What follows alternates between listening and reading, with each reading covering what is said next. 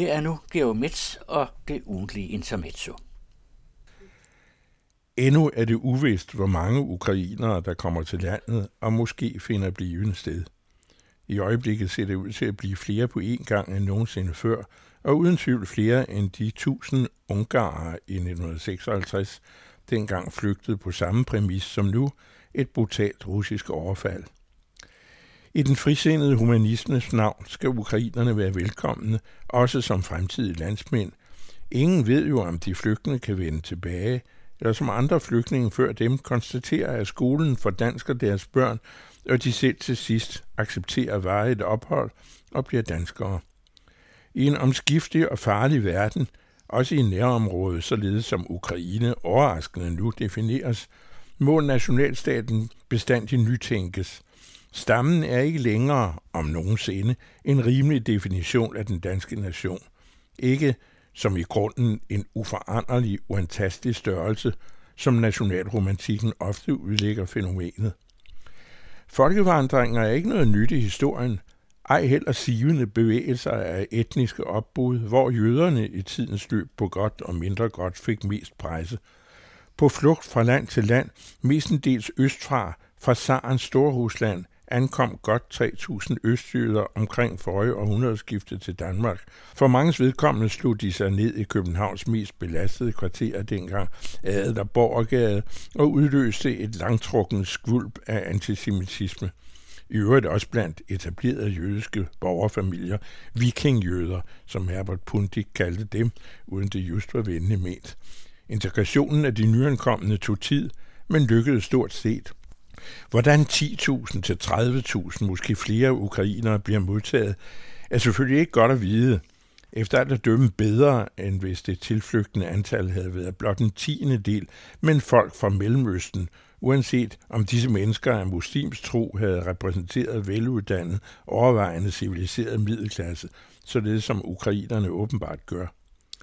De vanlige ryster mod fremmede har ved ukrainernes tragedie for længst luftet udsagn, der fortvivlende ligner den klassiske antisemitisme. Nu med forklaring, hvorfor det er problemløst at modtage ukrainere, der er kristne, ganske vist græsk ortodoxe, men kristne og hvide. Og hvorfor det ikke er problemløst, når mennesker af muslims tro, og ikke helt så hvide, ankommer og ifølge denne tolkning af fremmedbegrebet udgør ubærlige byrder. Akkurat det samme som jøderne blev hængt ud for i Rusland, Polen, Tyskland, Østrig og Ukraine, og altså også i visse kredse i Danmark, da de kom fra Rusland og Ukraine. Mekanikken i forklaringen på, hvorfor ukrainere er velkomne, og hvorfor muslimer, der ovenikøbet har boet her i generationer og rigeligt bidrager til det danske samfund, aldrig bliver det, håndteret på skrift af Pia Kærsgaard, er antisemitisk i strukturen. De knuppede ord vender sig mod en håndfast, afgrænset gruppe, der tillægges bestemte karakter- og kulturtræk, uforenige med det nationale, defineret i tvivlsom kristendomsopfattelse og vakkelvogn historiebevidsthed. Heri indpasses ukrainerne uden videre. Dette er til lige folketingsflertallets mere eller mindre udtalte opfattelse af forholdet mellem flygtningemennesker af ukrainsk herkomst og flygtningemennesker af anden herkomst. Lykkelig midt i tragedien er det dog, at det sker, og ukrainerne bydes indenfor. Misforstå endelig ikke det. Et land, der ikke nu slår porten op for mennesker i forlegenhed, er uselt.